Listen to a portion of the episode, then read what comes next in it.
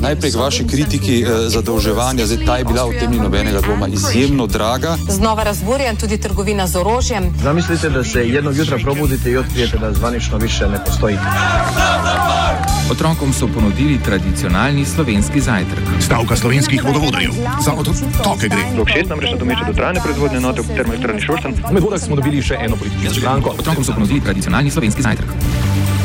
Piranski zaliv od 1991. godine podiže talase u odnosima dve bivše Jugoslovenske republike. Druga januarska nedelja je namenjena spominu na Dražgošku bitko. Meglena sobota v Ljubljanskih Ružah, kraju nesrečnega imena Zamrsin. Ni učinkovito. Otrokom so ponudili tradicionalni slovenski zajtrk. Predsednik države Borut Pahor na kmetiji Čmarovec pri naselju Znojnica namlatil za 20 kubikov prazne slame. Med življenjem molotov koktejlov dali v Sokolski dom v Novem mestu. Je Republika Slovenija Palestini ponudila pomoč v obliki rehabilitacije. Well done, Slovenija. Well done.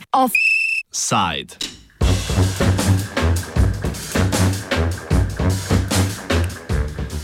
Drugi zakoni za iste gozdove.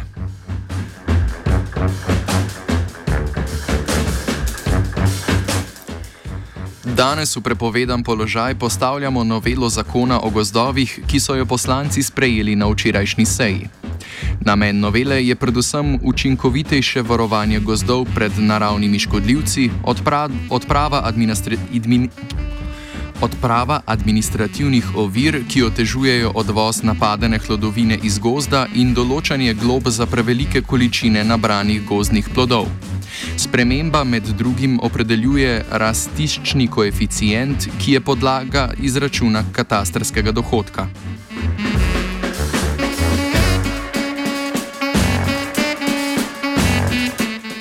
Prva sprememba zadeva odpravo sistema prevoznic. To so prevozni dokumenti, ki morajo spremljati vsak tovor lesa pri transportu iz gozda do kupca in so bili leta 2013 vzpostavljeni zaradi večje sledljivosti lesa. Prevoznice bodo sodeč po noveli zakona nadomestile knjigovodske listine. Več o starem sistemu prevoznic in njihovi spremembi pove državni sekretar na Ministrstvu za kmetijstvo Marjan Podgoršek. Od uh, predlaganih sprememb ni takih, ki bi uh, neposredno ali posredno povzročale uh, potrebo po zvišanju sredstev Zavoda za gozdove.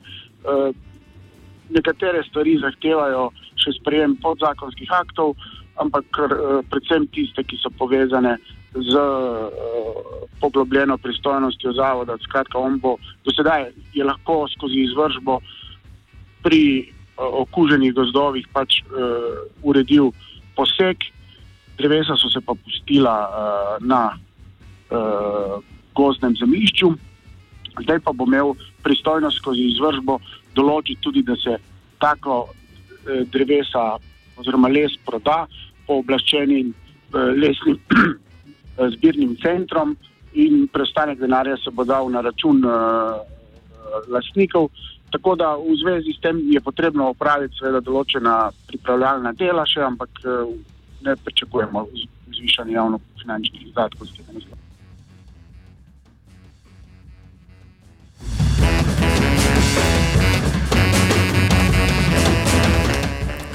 Naslednja sprememba zadeva določitev rastiščnega koeficienta kot podlago za določitev katastrskega dohodka in urednosti gozne nepremičnine.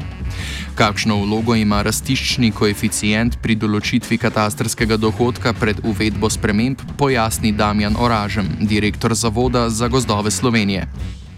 Mi rastiščni koeficient določamo v bistvu že 40 let v uh, gozdarski stroki ta sistem je pregleden, vendar ni bil osnova za katastrski dohodek. Država se je odločila, da na mesto prejšnjega sistema uvede nekega novega in rastični koeficient je korak v pravo smer. Premoramo pa ta trenutek že boljše tehnologije, da bi stvar še bolj izboljšala, ampak eh, država se je v tem momentu odločila za rastični koeficient.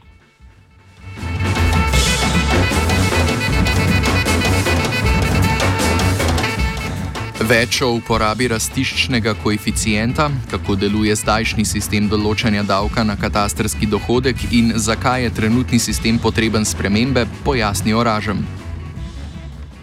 Davek na katastrski dohodek se je ugotavljal po katastrskih okrajih. Eh, stvar je bila uh, narejena tako, da je bila v povprečju sicer dobra za vse lastnike gozdov, vendar tisti, ki so imeli slab, slabo kvalitetne gozdove, so plačevali nekoliko preveč, tisti, ki so imeli bolj kvalitetne gozdove, pa nekoliko preveč v primerjavi s povprečjem. Uh, sedanji sistem prehaja na neko drugo fazo, ki je bolj uh, primerna kvaliteti gozda in dejansko bo lastnik plačal boljši približek tistemu, koliko lahko njegov gost ponudi, oziroma koliko lahko lastnik iz njega iztrži. Rastični koeficient so ena od umestnih faz, uh, gozdari poznamo še druge faktore, vendar sistem mora biti pregleden, enoten za vso državo in to je nek kompromis, ki ga je država pač izbrala v tem primeru. Bo pa seveda kar nekaj dela, zlasti z morebitnimi preveritvami. Vse skupaj pa gre uh, pri tem seveda za povišanje katastarskega osnove za katastarski dohodek, vendar to povišanje glede na vrednost gozdov in pa donosov z gozda verjetno uh, ne bo prevelika, vsaj jaz mislim, da ne. Tretja sprememba novele zakona se zauzema za pravočasno in učinkovito izvajanje sanitarnih sečenj v poškodovanih gozdovih in preventivno izvajanje varstvenih del v gozdovih. Kako je deloval dosedani sistem sanitarnih sečenj in kako bi sprememba z novelo olajšala administrativne težave pri izvajanju sanitarnih sečenj, pojasni Oražem. Dosedani sistem je predvideval, da pri izvržbah, se pravi pri tistih lastnikih, ki v roku niso upravili svojega dela, da smo lahko opravili izvršbo na dva načina. In sicer pri izvršbi po drugi osebi so lahko uh, prišli izvajalci, ki jih je zavod pač napotil na tako sečišče, ki ni bilo izvršeno v, v rokih, ki so predvideni v odločbah. In tam je bilo potrebno les pustiti in ga ulupiti. Vsa ta sečna oziroma ta del sečne, ki se tiče lupljenja, to je zamudno in drago in v nekih kulminacijah katastrof nimajo izvajalci ne možnosti, ne časa, da bi lupe drevje. To se sedaj upravlja na drugačne načine, eh, strojno na mestih predelave in tako naprej.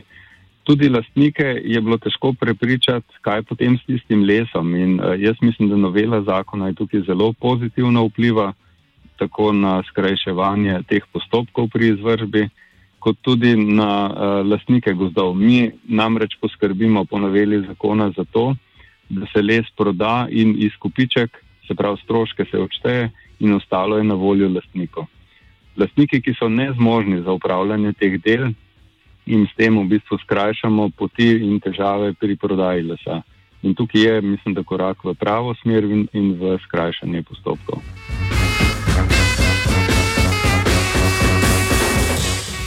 Kako poteka sanacija gozdov, ki so bili poškodovani v žledolomu na začetku leta 2014 in kakšno škodo je ta naredil slovenskim gozdovom, razloži sekretar Podgoršek.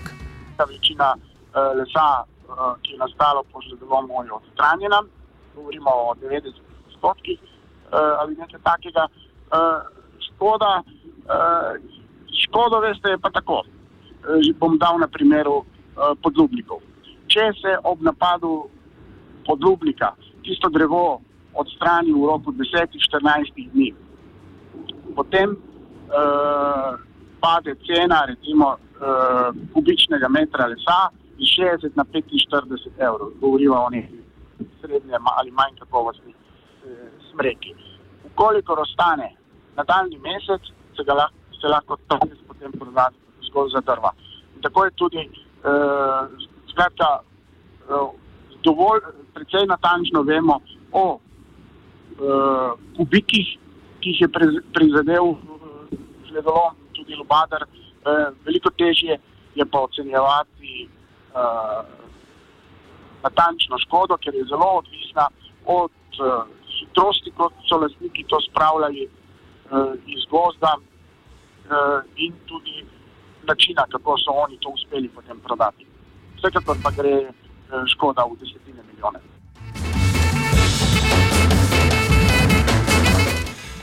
Novela zakona vključuje tudi določitev glob tistim obiskovalcem gozda, ki prekoračijo dovoljeno količino nabranih gozdnih plodov, rastlin, mahov in gob.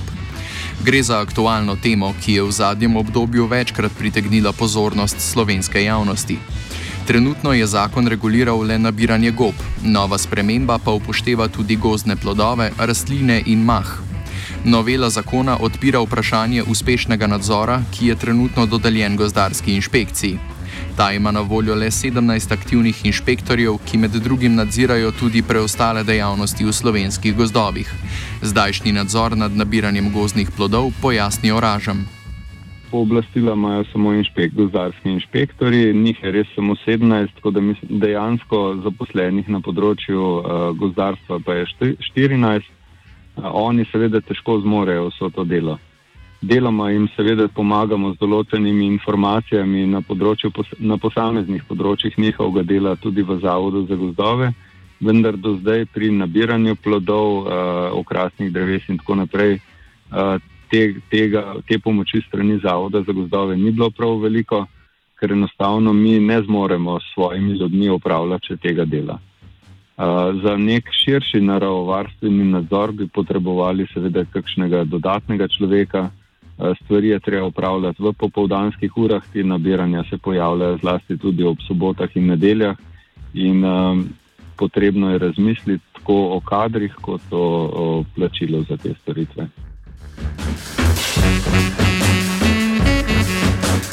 Razširitev zakona na področju izvajanja glob pa ne zadeva tudi širitve nadzornega kadra v gozdarski inšpekciji.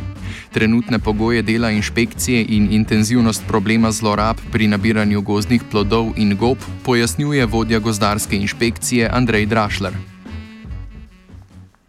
Mi imamo seveda zaposlenih 17 inšpektorjev, vendar od tega recimo en dela za polovični delovni čas, nekateri so vodje območnih enot še zraven, nekateri so zraven še uh, lovski inšpektori. To se pravi, da če izvor preračunamo, imamo dobrih 14 uh, gozdarskih inšpektorjev. Uh, V letošnjem letu je glavna prioriteta našega dela nadzor izvajanja sanitarnih sečen. Eh, kot veste, pač imamo s tem v Sloveniji z gradacijo podlubnikov velik problem in eh, seveda to zelo ogroža slovenske gozdove, zato praktično vse svoj čas posvečamo temu. In ni, ni v letošnjem letu, v vsakem primeru, ni bila prioriteta nadzor nad nabiranjem uh, gozdnih sadežev in plodov. Hkrati pa seveda je res tudi to, da problemi, ki nastajajo pri tem, nastajajo predvsem takrat, ko imamo recimo bogato letino gob ali pa zelo bogato letino kostanja. V letošnjem letu ne enega, ne drugega ni bilo in zato tudi kršitev v bistvu praktično ni.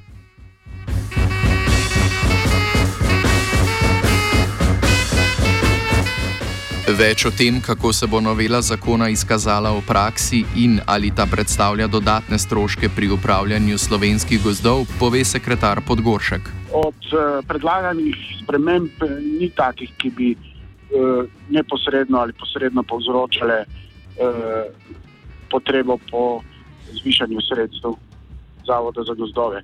Uh, nekatere stvari zahtevajo še sprejem podzakonskih aktov ampak predvsem tiste, ki so povezane z poglobljeno pristojnostjo zavoda. Skratka, on bo do sedaj je lahko skozi izvržbo pri okuženih gozdovih pač uredil poseg, drevesa so se pa pustila uh, na uh, gozdnem zemljišču.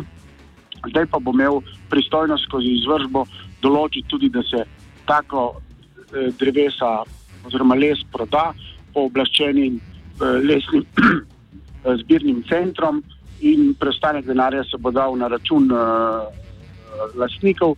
Tako da v zvezi s tem je potrebno opraviti seveda določena pripravljalna dela še, ampak eh, ne pričakujemo zvišanja javno-finančnih izdatkov z tega naslova.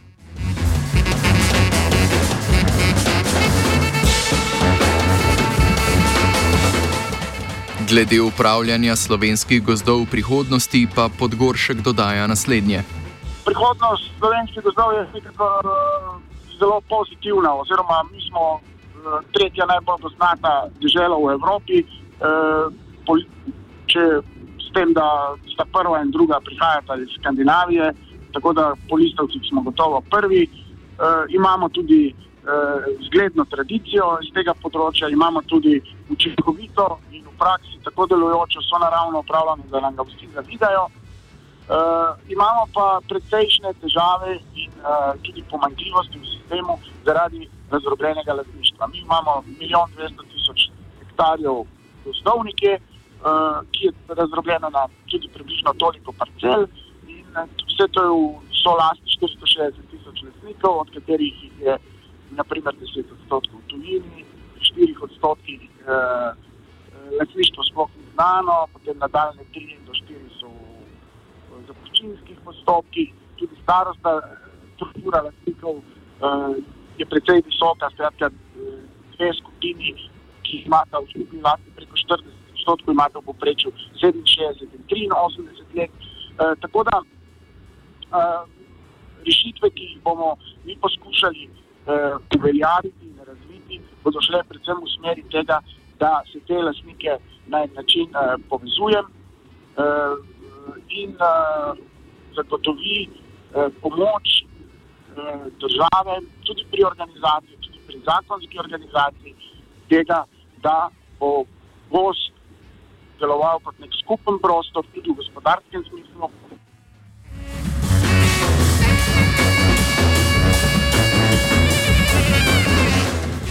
Offside je pripravil žiga, vi pa dobro razmislite, koliko mahu boste potrebovali za jaslice.